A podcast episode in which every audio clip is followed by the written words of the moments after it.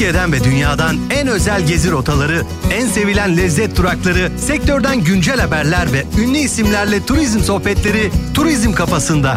Türkiye'nin en köklü turizm markası Diva'nın sunduğu Deniz Dikkaya ile Turizm Kafası başlıyor.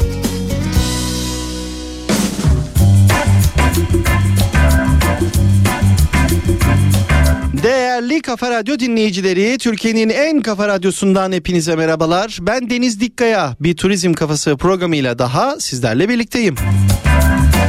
Her hafta sizlere turizmin renkli dünyasını çok özel konular ve konuklarımla tanıştırmaya devam ederken hem turizm sektöründen son gelişmeleri benden dinliyor hem bu mesleğe gönül vermiş turizm profesyonelleriyle en çok merak edilen sohbetlere imza atıyor. Hem de dünyanın en güzel gezi rotalarını ve gastronomi lezzetlerini de birlikte keşfediyoruz. Bu programda görmek istediklerinizi, program önerilerinizi her zaman olduğu gibi bana iletebilirsiniz. Instagram Deniz Dikkaya Official ve Twitter Deniz Dikkaya adreslerim sizlere 724 açık. Peki dostlar gelelim turizm kafasında bu hafta sizleri neler bekliyor? Güncel turizm haberleriyle başlıyoruz sonrasında. Haftanın gezi önerisinde bugün sizleri yoğun ve yorucu yaşam koşullarında insana en güzel gelecek olan reçeteyle buluşturuyorum. Dünyanın en iyi dinlenme rotalarını dinlemek ve not almak için kalemleriniz, kağıtlarınız hazır olsun. Ama önce turizm haberleriyle başlayalım. İlk haberimiz Eminönü'ne gitmek artık ücretli mi olacak? İstanbul'un trafik yoğunluğunu azaltmayı hedefleyen insan ve çevre odaklı İstanbul Sürdürülebilir Kentsel Ulaşım Planı'nın tanıtımı dün yapıldı. Planın hayata geçirilmesiyle kentte zirve saatte trafik yoğunluğunun 2030 yılında %10.1 azaltılması öngörülüyor. Ayrıca trafik sıkışıklığını önlemek amacıyla uygulanacak tıkanıklık fiyatlandırması ile de özel otomobil kullanıcıları kullanıcıları belli bir bölgeye giriş karşılığında ücret ödeyecek. Sistemin pilot uygulaması tarihi yarımada da yani Eminönü'nde hayata geçirilecek. Scoop tanıtım toplantısına Avrupa Birliği Türkiye Büyükelçisi Nikolaus Meyer Laudrut, İBB Başkanı Ekrem İmamoğlu, Ulaştırma ve Altyapı Bakanlığı AB ve Dış İlişkiler Genel Müdürü Burak Aykan katıldı. İmamoğlu hazırlanan planın Türkiye'nin ilk sürdürülebilir kentsel ulaşım planı olduğunu aktardı. İmamoğlu planın kentin merkez merkez bölgelerinde otomobil kullanımını, hava kirliliğini azaltacak düşük salım bölgelerini, deniz ulaşım ağını geliştirecek düzenlemeleri otobüs öncelikli şerit uygulamalarını kapsadığını kaydetti. Milliyet gazetesinden Gülden Çok Takın haberine göre ulaşım planı kapsamında projelerin hayata geçmesiyle zirve saatte yani pik saatte toplam otomobil sayısının kilometrede 2030 yılında %10.1 ve 2040 yılında %12.8 azalma sağlayacağı tahmin ediliyor. Düşük karbona geçiş teması altında kentin ulaşım sisteminin çevre dostu hale gelmesi ve ulaşımdan kaynaklanan sera gazı salımlarını azaltmaya yönelik olan projelerden biri de düşük salım bölgeleri uygulaması. Bu uygulamada standartlara uygun olmayan taşıtlar alanı hiç kullanmayacak veya kirleten öder prensibine göre belli bir fiyat karşılığında kullanabilecek. İlk düşük salım bölgeleri pilot projesinin tarihi yarımadada yapılması ve devamında Kadıköy'de Moda'da uygulanması planlanıyor. Trafik sıkışıklığını önlemek amacıyla hayata geçirecek bir diğer uygulama ise tıkanıklık fiyatlandırması. Bu uygulama ile özel otomobil kullanıcıları belli bir bölgeye giriş karşılığında ücret ödeyecek.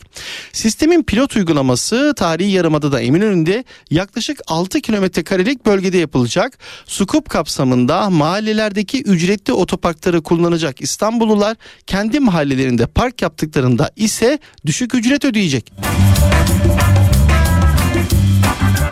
2024 yılında kapasitenin üçte biri Türkiye'ye.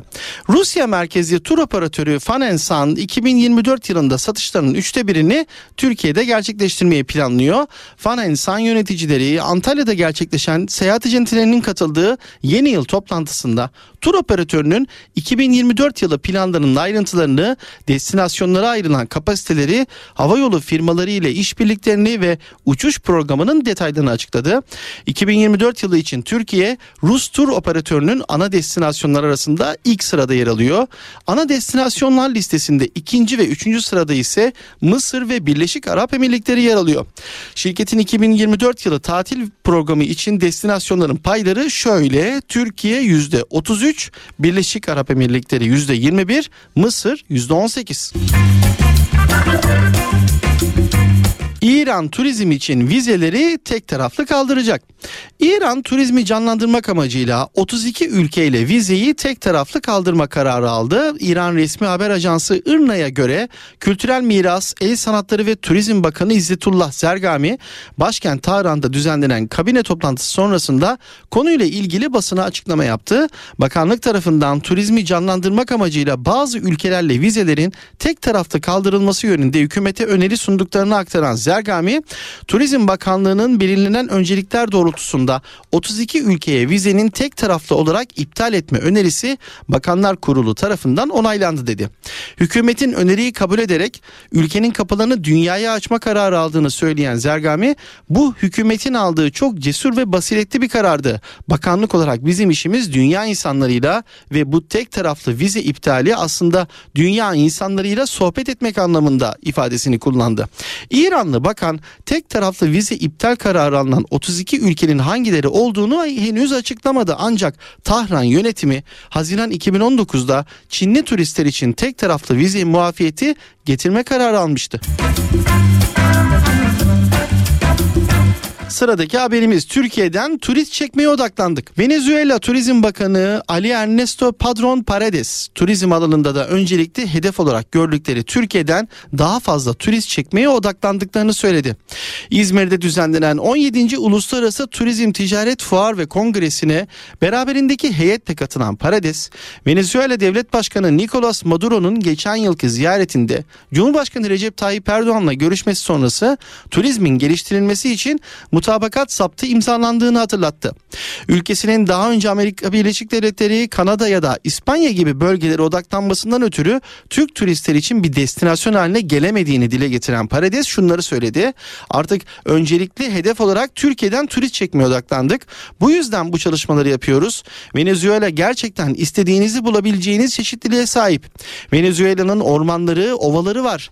Karayiplerin en güzel plajlarına sahip. Kuş çeşitliliğinde dünyadaki ilk 6 ülke arasında. Ülkenin yarısı milli parklarla koruma altında. Türkiye'den ve tüm dünyadan gelecek turistlerin hizmetine sunulacak ve geliştirmeye devam ettiğimiz bir turizm altyapımız var. Biz Türkiye'yi Türk mutfağından, Türk romanlarından ve televizyon dizilerinden de tanıyoruz ama bunun da ötesinde ilişkileri hükümetler olarak geliştiriyoruz. İlişkiler açısından önümüzdeki süreçte daha iyi haberler gelecektir. Konuk Bakan Türk Hava Yolları'nın ülkesine uçuşlarını da son 5 yılda haftada birden 8'e çıkardığını, bu sayının haftada 11'e çıkmasının beklendiğini vurgulayarak Venezuela'dan Türkiye'ye, Türkiye'den Venezuela'ya uçaklar tamamen dolu uçuyor. Bu iyi iş fırsatlarımızın olduğunu gösteriyor dedi. Visit İstanbul tanıtıldı. İstanbul Büyükşehir Belediye Başkanı Ekrem İmamoğlu turizmde yeni nesil iletişim stratejileri kapsamında Visit İstanbul web portalını İstanbul Creators Club platformu ve dünyanın ilk yapay zeka rehberi uygulamasını kamuoyuna tanıttı. İmamoğlu bugün tanıtımını yaptığımız Visit İstanbul, İstanbul'un dünyaya açılan kapısı. Burada öyle kişisel beton hayalleriyle, kanal hayalleriyle İstanbul'u mahvetmeye hiç kimse izin vermedi, vermeyecek dedi. Bilgilendirici video gösterimleriyle başlayan tanıtım toplantısında ilk olarak Galatasaray Üniversitesi İletişim Fakültesi Dekanı Profesör Doktor Kerem Rızvanoğlu ve Galatasaray Üniversitesi İletişim Fakültesi öğretim üyesi Doktor Yeliz Yücel tarafından kültürel mirasa engelsiz erişim konulu sunum gerçekleştirildi. Sunumun ardından konuşan İmamoğlu, bugün tanıtımını yaptığımız Visit İstanbul, İstanbul'un dünyaya açılan kapısı. Bu platformla birlikte tarihin bu büyüleyici kentinin turizm ekosistemini sürdürülebilir, nitelikli ve ortak akılla inşa etmenin heyecanını paylaşıyor. Tüm sektör paydaşlarımızla İstanbul'un hikayesini en yaratıcı ve özgün biçimde anlatmayı hedefliyoruz dedi. İstanbul'un dünyaya açılan yüzü sloganıyla tanıtılan Visit İstanbul web portalı şehri ziyarete gelenleri turist olmaktan çıkarıp İstanbulluya dönüştürerek dünyanın en fazla takip edilen ve etkileşim gösteren şehir hesabı olmayı, dünyanın en katılımcı dijital ortamını sunmayı amaçlıyor. Proje ile İstanbul'un yapay zeka rehberinin de tanıtımı yapılacak. Şehrin ziyaretçilerine yolculukları boyunca sesli şekilde rehberlik edecek. Şubat 2024'te hayata geçirilecek yapay zeka uygulaması dünyada bir ilk olma özelliği taşıyor. Biz de bir İstanbullu olarak turizm sektörüne hizmet edecek Visit İstanbul'a hoş geldin diyoruz.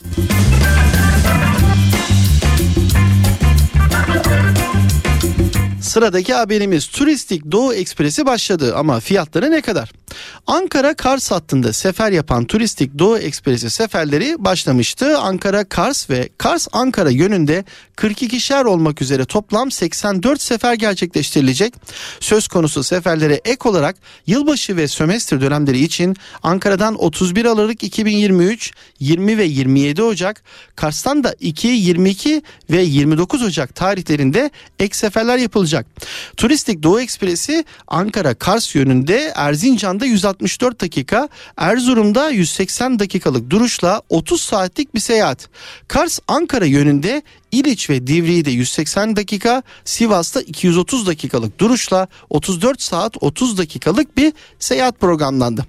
Peki fiyatlar ne kadar derseniz Turistik Doğu Ekspresi düşük dönem oda ücreti 6 bin lira, normal dönem oda ücreti 8 bin lira ve yüksek dönem oda ücreti 12 bin 500 lira uygulanacak.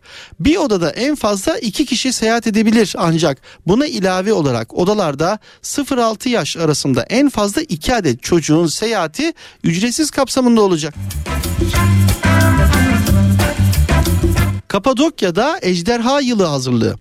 Çin takvimine göre 10 Şubat 2024'te ejderha yılına girecek olan dünyanın en kalabalık ülkesinden Kapadokya'ya gelecek turistlerin rezervasyon talepleri görülmeye başlandı. UNESCO Dünya Kültür Miras Listesi'ndeki Kapadokya'ya Çinli turistlerin ziyaretlerinin gelecek yıldan itibaren pandemi öncesini aratmayacak ölçüde artacağı öngörülüyor. Peki nedir bu ejderha yılının anlamı derseniz?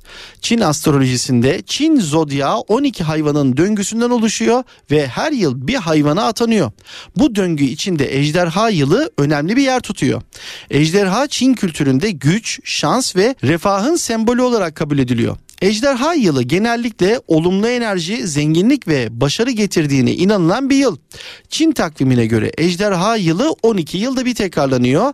Ejderha yılı genellikle halk arasında kutlamalar, festivaller ve özel etkinliklerle karşılanıyor. Bu yılın enerjisinin insanlara şans ve olumlu değişiklikler getireceğine inanılıyor. O zaman biz de tüm Çinlileri, Çinli dostları ejderha yılını kutlamak için Kapadokya'ya davet edelim.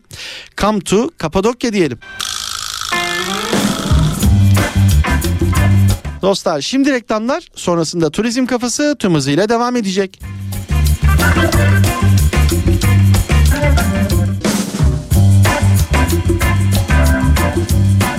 Değerli Kafa Radyo dinleyicileri turizm kafasında şimdi geldik haftanın gezi önerisine.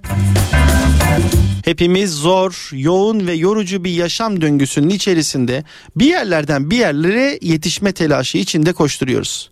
Peki bu koşturmaca temposunda bir ara vermek, çok kısa da olsa dinlenmek istemez miyiz? Evet isteriz seslerinizi duyar gibiyim. Genel sağlık ve yaşam kalitemiz için dinlenmek çok önemli değil mi? İşte şimdi gelin sizi tekrar yenileyecek, fiziksel, zihinsel ve mental olarak yaşama tutunduracak dünyanın en iyi dinlenme rotalarını paylaşayım. Hazırsanız başlıyoruz. Dünyanın en iyi dinlenme rotalarında ilk sırada komşuya gidiyoruz Yunanistan'a. Halkidiki Yunanistan'ın güzellikleri arasında bir cennet köşesi. Halkidiki Yunanistan'ın kuzeyinde göz kamaştırıcı doğal güzellikleri, tarihi zenginlikleri ve sıcak Akdeniz atmosferiyle ünlü bir bölge.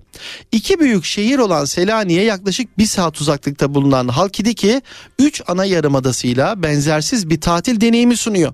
Halkidiki'nin tarihi antik çağlara kadar uzanıyor. Bölgede birçok antik yerleşim ve tarihi kalıntı bulunuyor. Aynı zamanda Atos Yarımadası tarihi manastırları ve doğal güzellikleriyle dikkat çeken bir dini merkez. Halkidiki tarih, doğa, güzellik ve lezzetleri bir araya getiren bir cennet köşesi her ziyaretçiye unutulmaz bir tatil deneyimi sunuyor. Genellikle Selanik'te yaşayanların yazlık bölgesi olan Halkidiki hala çok fazla turistik olmadığı için doğallığını koruyor. Çok fazla sayıda büyük otel ve tesis bulunmayan Yarımada'da plajlarda giriş ücreti alınmıyor. Yunanistan'da çoğu yerde olduğu gibi sadece şezlong ücreti var. Bazı plajlarda yemek yediğiniz ya da bir şeyler içtiğiniz takdirde bu ücret de alınmıyor. Bunların hepsi bir araya gelince doğası, masmavi, berrak denizi ve uygun fiyatlarıyla Halkidiki'yi cazip bir tatil destinasyonu olarak tanımlayabiliyoruz. Halkidiki 3 yarımadadan oluşuyor. Bunlar Kassandra, Sitonya ve Atos. Kassandra 3 parmak şeklindeki adanın Türkiye'ye göre en solunda kalanı Kassandra. En çok otel ve tesisin bulunmasıyla Halkidiki'nin en turistik ve canlı bölgesi. İkinci ada ise Sitonya. Adanın ortada kalan kısmı Sitonya, Kassandra'ya göre daha sakin bir bölge. Kafa dinleyebileceğimiz, yemyeşil doğası ve mavinin her tonunu görebileceğimiz koylara sahip. Atos. Atos da adanın en sağındaki bölge. Kadınların girmesinin yasak olduğu, erkeklerin ise sadece özel bir izinle girebildikleri, içinde din adamlarının yaşadığı ve manastırların bulunduğu özel bir bölge. Kutsal Atos Dağı'nın bulunduğu bu bölge dünyanın tek kadınsız bölgesi olmasıyla ilginçliğini koruyor. Halkidiki geleneksel Yunan mutfağının lezzetlerini sunan birçok restoran ve tavernalara ev sahipliği yapıyor. Deniz ürünleri, zeytinyağlı yemekler ve taze sebzelerle hazırlanan yemekler bölgenin gastronomik zenginliğini yansıtıyor. Halkidiki'ye ulaşım oldukça kolay. Selanik Uluslararası Havalimanı'na iniş yaptıktan sonra karayoluyla veya düzenlenmiş turlarla Halkidiki'ye geçmek mümkün. Selanik'e bir saat uzaklıkta. Bu nedenle Selanik'ten rahatlıkla ulaşmanız mümkün. Halkidiki'ye içerisinde ulaşım zor olduğu için arabayla gitmek iyi bir seçenek. Ada içerisinde taksi ve toplu taşıma oldukça sınırlı. Eğer Halkidiki'ye aracınız dışında bir ulaşım seçeneğiyle giderseniz ada içinde araba ya da motosiklet kiralamak çok yararlı. Haziran ya da Eylül aylarının arasında Halkidiki ziyaretlerini gerçekleştirmek daha doğru olacak. Elbette kişilerin gitmek istedikleri yerlere göre bu aralık Mart ayına kadar da uzuyor. Ancak yaz aylarında plajlara gitmek çok daha güzel. Dünyanın en iyi dinlenme rotalarına devam ediyoruz. 2 numarada Karayiplerin renkli adası Jamaika. Jamaika Karayip Denizi'nde turkuaz suları, beyaz kumsalları ve müziğiyle ünlü olan bir ada. Bob Marley'in doğduğu ve reggae müziğinin köken aldığı bu güzel ülke sıcak bir iklim, tarihi zenginlikler ve misafirperver bir kültür sunuyor. Jamaika, Orta Amerika'nın Karayip Denizi'nde yer alan bir ada. Büyük Antillerin bir parçası ve Küba'nın güneyinde Hispaniola adasının batısında yer alıyor.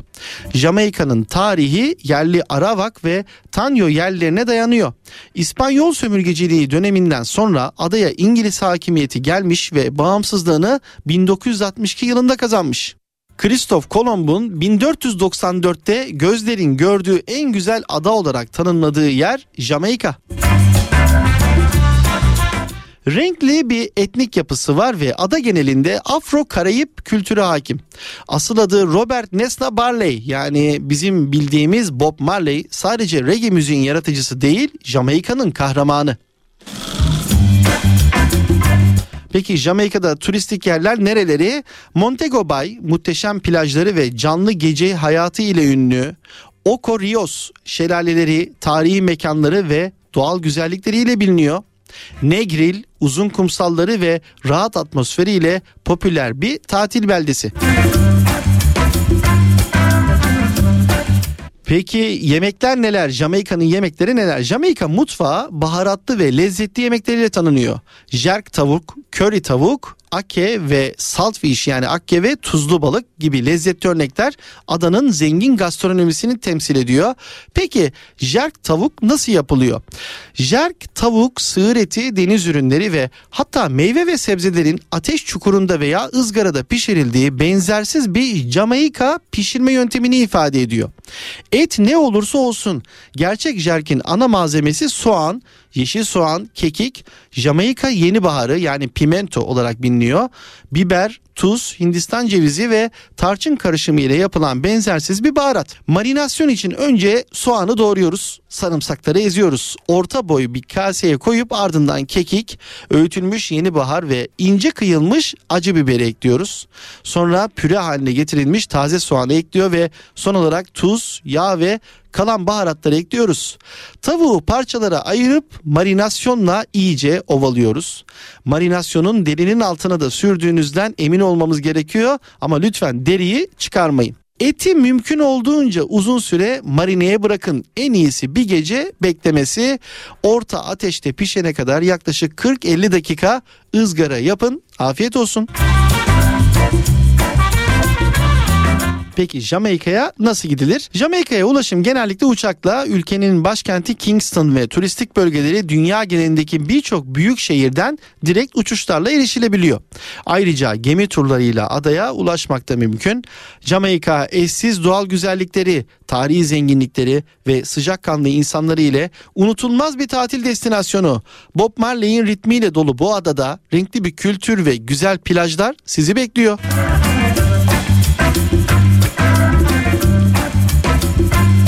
Dünyanın en iyi dinlenme rotalarında 3 numaraya gidiyoruz. Endonezya'dayız. Raja Ampat. Buraya cennetten bir parça da deniyor. Raja Ampat Endonezya'nın doğusunda Papua eyaletinde yer alan benzersiz bir adalar topluluğu.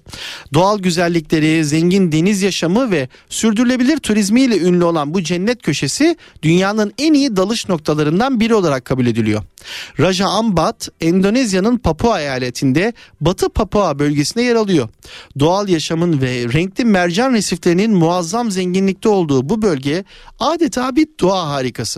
Raja Ambat'ın koruma altına alınan bölgesi 4 milyon hektarlık bir alanı ve 1500 adayı içine alınıyor.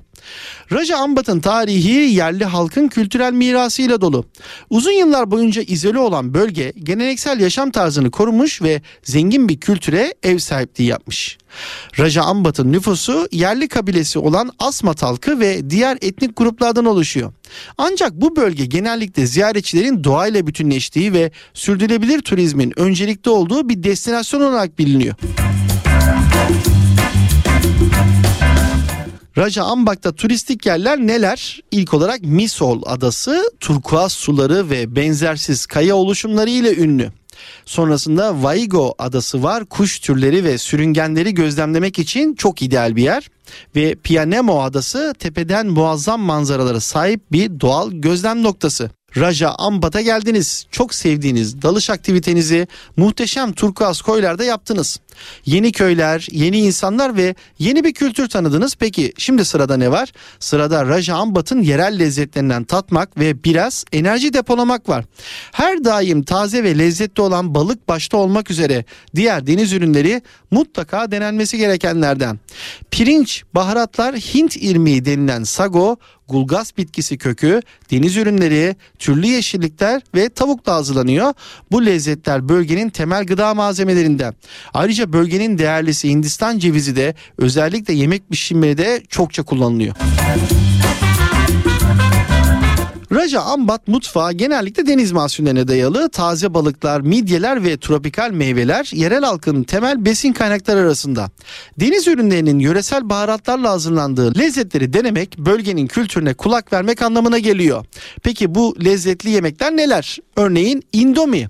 İşte Endonezya usulü noodle. Yeşil soğan, domates ve kırmızı biberle birlikte sunulan indomie ülkenin en sevilen tatlarından biri. Başka ne var? Nasi uduk. Nasi uduk Hindistan cevizi suyunda haşlanmış pirinçlerle garnitürlerden oluşan bir öğle yemeği. Pirinçlerin yanındaki tavuk parçacıkları ve soğan kızartması da lezzete lezzet katıyor. Pempek Dışı balık, içi yumurta olan bu yemek taze balık etinden yapılıyor. Okyanusun bu harika tadı üzerine karides tozu ve sos dökülerek servis ediliyor. Peki bunları yedim ne içelim derseniz bandirek içiyoruz. Bandirek zencefil ve kahverengi şekerden oluşan soğuk havaların vazgeçilmez içeceği. Üzerine mutlaka tarçın ekleniyor.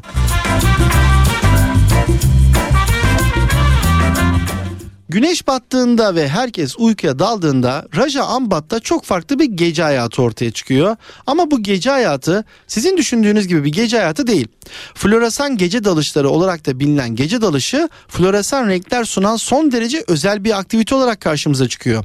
Deniz altında eşsiz güzelliklere şahit olmak için son yıllarda popüler olan gece dalışı Raja Ambat'ın gece hayatının en anlamlısı. Ayrıca Raja Ambat gökyüzündeki yıldızları size adeta dokunacakmış kadar yakın hissettiren parlaklıkta dünyada yıldız gözlemciliğinin yapıldığı nadir yerlerden. Bu güzelliği kaçırmak istemezsiniz. Dalış konusunda dünyada ilk 10 sıralama içerisinde bulunan Raja Ambat'a gidip güzel bir koyda dalış yapmadan olmaz. Pian başta olmak üzere Mercan Adaları'nda yapılan bir dalış tatil hatıraları kısmında unutulmazlar arasında yerini alacak. Yaklaşık 1070 çeşit balık türü, 600 tür mercan resifi, 699 çeşit yumuşakça ile oldukça zengin bir hayvan ve bitki çeşidine sahip. Ayrıca Endonezya'nın muhteşem takım adalarında bulunan tüm sert mercanların %96'sı Raja Ambat'ta bulunuyor. Son derece zengin bir denizaltı hayatı bulunan Raja Ambat'ta batık dalışı, yelken sporu, tüple dalış, şnorkelle yüzme, denizaltı fotoğrafçılığı, balıkçılık mutlaka yapılması gereken aktivitelerden. Peki Raja Ambat'a nasıl gidilir? Raja Ambat'a ulaşım genellikle uçak ve deniz yoluyla sağlanıyor. Sorong şehrine uçtuktan sonra adalar arasında geçiş için tekneler veya özel turlar kullanılabiliyor. Bölgedeki adalar genellikle sürdürülebilir turizmi desteklemek amacıyla düzenlenmiş turlarla ziyaret ediliyor. Raja Ambat doğal güzellikleri, renkli deniz yaşamı ve sürdürülebilir turizmiyle unutulmaz bir deneyim sunuyor. Burada tropikal cennetin sakin sularında yüzme ve dünyanın en güzel mercan resiflerini keşfetme fırsatınız olacak. Dünyanın en iyi dinlenme rotalarına devam ediyoruz. 4 numarada Malta'dayız. Akdeniz'in tarih ve güzellik adası Malta, Akdeniz'in ortasında yer alan küçük ama tarihiyle dolu bir ada ülkesi. Zengin tarihi, muazzam doğal güzellikleri ve sıcak Akdeniz atmosferiyle Malta, tarihi zenginlikleriyle dikkat çeken bir destinasyon. Malta, Güney Avrupa'da İtalya'nın güneyinde yer alan bir ada ülkesi. Sicilya'nın güneyinde ve Tunus'un kuzeyinde yer alıyor. Ülkenin başkenti UNESCO Dünya Mirası listesinde yer alan tarihi Valletta şehrini içeriyor. Malta'nın tarihi M.Ö. 5200'lerden başlayarak Fenikelilere, Roma İmparatorluğu'na, Arap egemenliğine, şövalyelere ve daha sonra Britanya hakimiyetine kadar uzanıyor.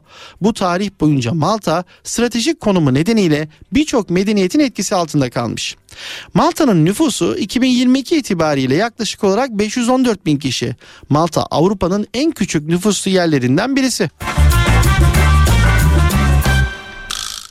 Malta insanları genel olarak sıcakkanlı, misafirsever ve konuşkan. Her geçen gün popülaritesi artan bir ülke olan Malta, İngilizce konuşan ülkelerin topluluğu olan İngiliz Milletler Topluluğu'nun en eski üyelerinden birisi. Adada ulaşımı sağlayan en ucuz yöntem otobüsler. Özellikle 1950 model otobüsler adeta Malta'nın sembolü haline gelmiş. Malta'da musluk suları içmek için güvenli değil. Malta'da kulüplerden bahçelere kadar herkese hitap edecek yerler var. Birçok Oscar ödüllü filme ev sahipliği yapmış bir ada olan Malta sinemaya da önem veren bir ülke. Ülke genelinde çok sayıda tiyatro ve sinema salonu mevcut. Kulüp ortamlarını ve DJ eşinde müzik dinlemeyi sevenler için de alternatifler oldukça fazla. Valletta başkent tarih binaları, katedralleri ve müzeleri ile ünlü. Emdina sessiz şehir olarak bilinen eski başkent, dar sokakları ve tarihi atmosferiyle biliniyor. Gozo adası Malta'nın kuzeyinde yer alan bu adada doğal güzellikler ve tarih bir araya gelmiş. Peki Malta'nın en güzel yemekleri neler dersek? Pastissi.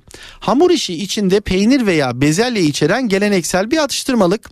Fenkata tavuk kuymak. Bir tür kuzunun haşlanmış unu ve baharatlar içeren geleneksel bir yemek. lampuki pay, deniz levreği, sebzeler ve baharatlar içeren bir tür deniz mahsulleri böreği. Peki Malta mutfağının en güzel lezzetlerinden pastizi nasıl yapılıyor? Pastis Malta'nın bezelye, ricotta peyniri, ançüez, konserve sığır eti veya elma gibi malzemelerle doldurulmuş hamur yemeklerinden birisi. İnce hamur bitmiş ürünün tipik yapısını elde etmek için yağ katmanları ile geriliyor ve açılıyor. Hamur daha sonra yukarıda söylediğim bileşenlerden herhangi birisiyle dolduruluyor. Yani isterseniz ricotta peyniriyle, isterseniz ançüezle, isterseniz elmayla doldurun. Elmas veya yarım daire şeklinde şekillendirin. Ardından altın rengi kahverengi olana kadar pişirin. Afiyet olsun. Malta bir festivaller yeri. Malta'da her şehrin kendine özel festivali var. Festa adı verilen bu festivaller Mayıs ayında başlayıp Eylül ayının sonlarına kadar hemen hemen her hafta sonu devam ediyor. İlkbahar mevsimi Malta'da karnaval zamanı. Festivallerin merkezi Valletta olsa da küçük kasabalarda benzer partiler gerçekleştiriliyor. Paskalya Mart ayında Malta'da gerçekleştirilen çok büyük bir kutlama. Grand Harbor mevkinde gerçekleştirilen Uluslararası Havai Fişek Festivali Nisan ayında yapılıyor. Havai Fişek Festivali tüm Malta genelinde birçok köy partileri içinde bir başlangıç sinyali. Ortaçağ Emdina Festivali bütün şehri Ortaçağ'dan kalma bir atmosferin içine sokuyor ve ziyaretçilerin kendilerini şövalyelik zamanlarındaymış gibi hissetmelerini sağlıyor. Malta Müzik Haftası Haziran ayında gerçekleşiyor. Peki peki Malta'ya nasıl gidilir? Malta'ya ulaşım genellikle uçak veya deniz yoluyla sağlanıyor. Malta Uluslararası Havalimanı Avrupa'nın birçok büyük şehrinden düzenli uçuşlara ev sahipliği yapıyor. Ayrıca feribotlar ile Sicilya ve İtalya'dan da ulaşım mümkün. Malta tarihi zenginlikleri, harika plajları, lezzetli yemekleri ve sıcakkanlı insanları ile ziyaretçilere unutulmaz bir deneyim sunuyor. Akdeniz'in kalbinde bu küçük ada ülkesi büyük bir kültürel mirasa ev sahipliği yapıyor. Dünyanın en iyi dinlenme rotalarına devam ediyoruz. Şimdi de tarihi zenginlikler ve doğal güzellikler ülkesi Ürdün'deyiz. Ürdün Orta Doğu'da yer alan bir ülke ve tarihi kültürel zenginlikleriyle tanınan bir destinasyon. Petra antik kenti, Vadi Rum çölü ve Totes denizi gibi önemli yerleriyle Ürdün ziyaretçilere unutulmaz bir deneyim sunuyor. Ürdün Orta Doğu'da Suudi Arabistan, Irak, Suriye, İsrail ve Filistin ile komşu olan bir ülke. Başkenti Amman ve Ürdün Akabe körfezine kıyısı olan bir ülke. Ürdün'ün tarihi antik medeniyetlere ev sahipliği yapmış bir bölgede şekillenmiş. Orta Doğu'da önemli tarihi olaylara sahne olmuş. Roma İmparatorluğu ve Osmanlı İmparatorluğu gibi güçlerin etkisi altına girmiş. 2022 itibariyle Ürdün'ün nüfusu yaklaşık 10 milyon. Ülke etnik ve dini çeşitliliğiyle dikkat çekiyor. Tabii çok önemli turistik yerleri de var. Bunlardan bir tanesi en önemlisi Petra. Gül şehir olarak bilinen antik kent kaya oyma yapıları ve tarihi zenginlikleriyle ünlü. Vadi Rum büyüleyici kum tepeleri, kayalık oluşumlar ve çöl manzaralarıyla ünlü ve Amman, Amman tabi Ürdün'ün başkenti, antik kalıntıları, müzeleri ve modern yaşamın birleşimiyle dikkat çekiyor. Peki Ürdün'ün yemekleri neler? Mansaf, Ürdün'ün geleneksel yemeği olan mansaf, kuzu eti, pilav ve süzme yoğurttan oluşuyor. Humus, humusu hepimiz biliyoruz. Nohut püresi, tahin, limon suyu ve zeytinyağı ile yapılan bu meze Ürdün sofrasının vazgeçilmezi ve tabii ki falafel. Nohut ezmesinden yapılan bu kızarmış topçuklar Ürdün mutfağının sevilen atıştırmalıklarından birisi. Peki falafel nasıl yapılır? Hadi Ürdün usulü bir anlatalım. Bir gece önceden suda beklettiğiniz nohutun suyunu süzüp rondoyu alın ve çekin. Üzerine maydanoz ve taze kişnişi, iri doğranmış soğanı, kırmızı biberi ve kabuğu soyulmuş bütün sarımsakları ilave edip tekrar karıştırın. Ardından toz baharatları, kabartma tozunu, tahini ve unu ilave ederek rondoda çekin.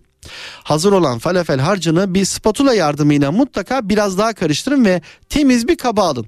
Üzerine streç film çekerek 45 dakika 1 saat buzdolabında dinlendirin. Dolaptan çıkardığınız falafel harcını ceviz büyüklüğünde toplar haline getirin. Ele yapışmasını engellemek için az miktarda un kullanın. Tüm harç bitene kadar bu işlemi sürdürün. Derin ve geniş bir tencerede sıvı yağ iyice kızdırın ve hazırladığınız falafel toplarını yağın içerisine atıp güzelce kızartın. Kızarttığınız falafelleri bir yağlı kağıt üzerine alın. Sos hazırlayın. Sosu içinde ekşi krema, tahin, limon suyu ve ince kıyılmış maydanozu güzelce çırpın. Kızarttığınız falafel köftelerini bir servis tabağına alın ve yanına hazırladığınız sosu koyun. İsterseniz dilimlenmiş limon, taze yeşillik, turşu, lavaş ve farklı soslarla kullanabilirsiniz. Afiyet olsun.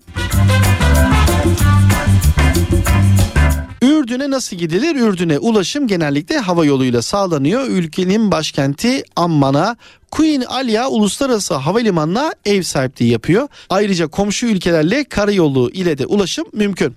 Ürdün tarihi ve kültürel zenginlikleri, nefes kesen doğal güzellikleri ve sıcakkanlı insanlarıyla keşfedilmeyi bekleyen bir hazine gibi. Ziyaretçilerine tarihi bir yolculuk ve benzersiz bir Orta Doğu deneyimi sunuyor.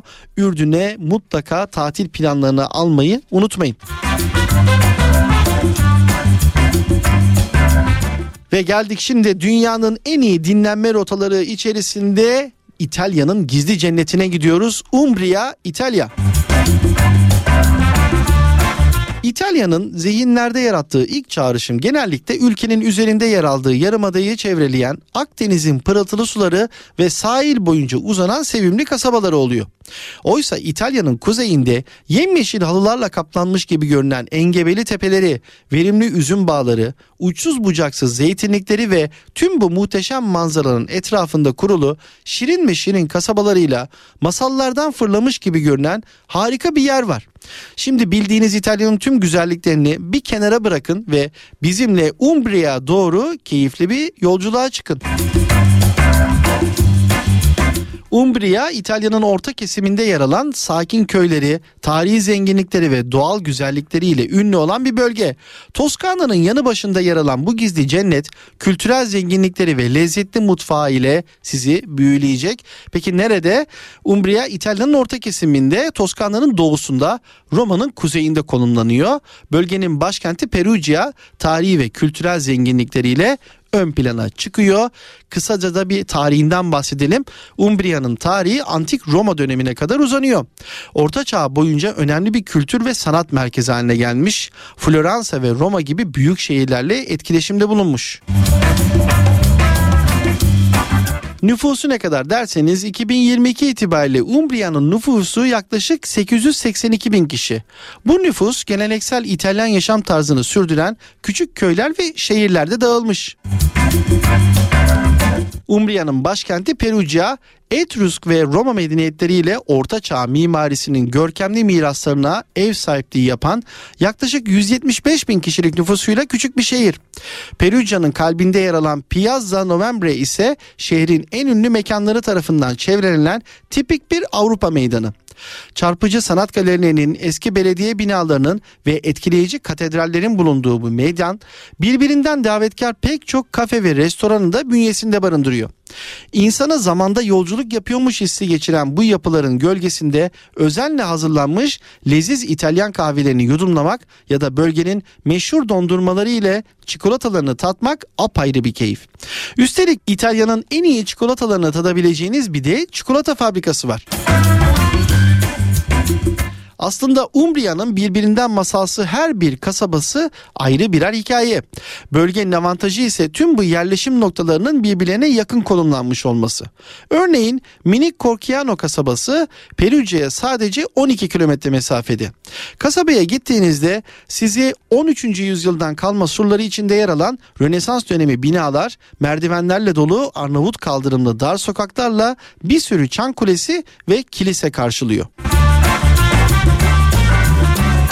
Orta Çağ'ın atmosferini iliklerinize kadar hissetmenizi sağlayan Corciano konumu itibariyle yürüyüş yapmak için de harika bir çevreye sahip. Tıpkı Corciano gibi Perugia'ya oldukça yakın bir konumda yer alan başka ufak kasaba ise Torgiano. Bünyesinde hem şarap hem de zeytinyağı müzesi barındıran Torgiano tahıl, bal ve pecorino peyniri gibi yüksek kaliteli tarım ürünleriyle ön plana çıkan tam bir gurme kasabası. Perugia bölgenin başkenti olan Perugia tarihi merkezi sanat galerileri ve çikolata festivali ile ünlü Assisi Aziz Francis'in doğduğu ve gömüldüğü şehir. Tarihi kiliseleri ve manastırlarıyla dikkat çekiyor. Orvieto tepenin üzerine kurulu olan bu şehir gotik katedrali ve yeraltı mağaralarıyla biliniyor. Peki Umbria'nın en güzel yemekleri neler? Tartufo nero yani siyah trüf bölgede yetişen ünlü siyah trüfler çeşitli yemeklerde kullanılıyor. Pasta al tartufo yani trüflü makarna, trüflü yağ ve rendelenmiş trüfle yapılan nefis bir makarna. Strangozi al tartufo ince uzun hamur şeritleriyle yapılan trüflü bir makarna çeşidi. Yani İtalya'nın her yerinde olduğu gibi Umbrio'da da bol bol makarna yiyorsunuz. Peki Umbria'ya nasıl gidiliyor? Umbria'ya ulaşım genellikle tren, otobüs veya araçla sağlanıyor. En yakın büyük havalimanı Perugia San Deggio Uluslararası Havalimanı. Ayrıca Roma ve Floransa gibi büyük şehirlerden tren veya otobüste de ulaşım mümkün. Umbria özellikle Temmuz ve Ağustos aylarında en kalabalık sezonunu yaşıyor. İlkbahar ve sonbahar ayları ise bol bol yürüyüş yapmak isteyenler için en uygun zamanlama. Özellikle üzüm hasadının başladığı sonbahar dönemi ise yeni mahsullerin yarattığı coşkulu atmosferi ve yerel halkın heyecanlı gündemini gözlemlemek için kesinlikle harika bir seçim. Umbria sakin köyleri, tarihi zenginlikleri ve lezzetli mutfağı ile sizi etkisi altına alacak bir bölge. Bu gizli cenneti keşfetmek, sıcakkanlı insanlarla tanışmak ve benzersiz kültürün tadını çıkarmak için ideal bir destinasyon. Dostlar şimdi güzel bir şarkı dinliyoruz. Sonrasında turizm kafası tüm hızıyla devam edecek. seni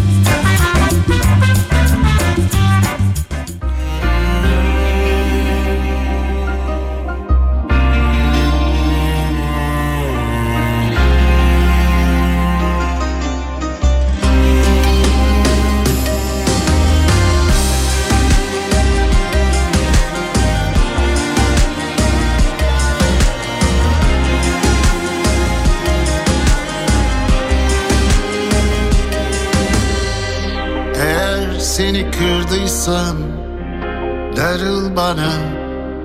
Ama bir gün beni ararsan bak ruhuna. Birden gecem tutarsa güneş çevir bana. Sevgilim bağışla biraz zor olsa da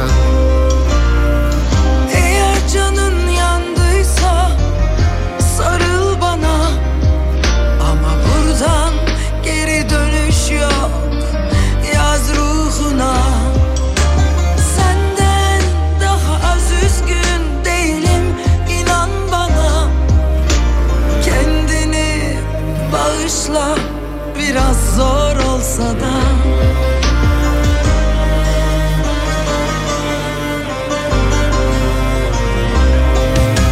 Affet beni akşamüstü gölge uzarken. Öğleden sonra affet ne zaman istersen. Affet beni gece vakti ay doğmuş süzülürken. Sabaha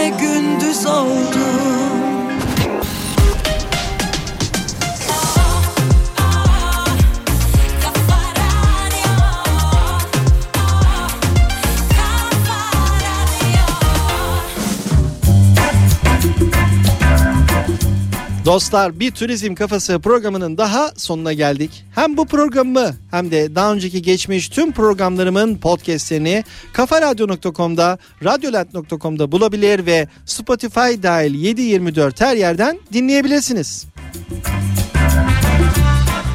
Bana sormak istediğiniz, merak ettiğiniz önerileriniz ve yorumlarınızı Instagram Deniz Dikkaya Official ve Twitter Deniz Dikkaya adreslerime iletebilirsiniz. Haftaya yeni konular ve konuklarla turizmi keşfetmeye devam edeceğiz. Hepinize çok çok güzel ve sağlıklı turizm dolu günler diliyorum.